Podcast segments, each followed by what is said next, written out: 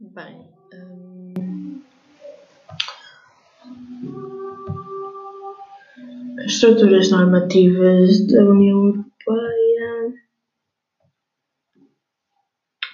O direito da União Europeia dispõe da autonomia normativa, sendo importante na consolidação das comunidades e da União Europeia, contribuindo para o processo de unificação europeia o princípio da cooperação leal domina as relações entre o direito comunitário e o direito nacional.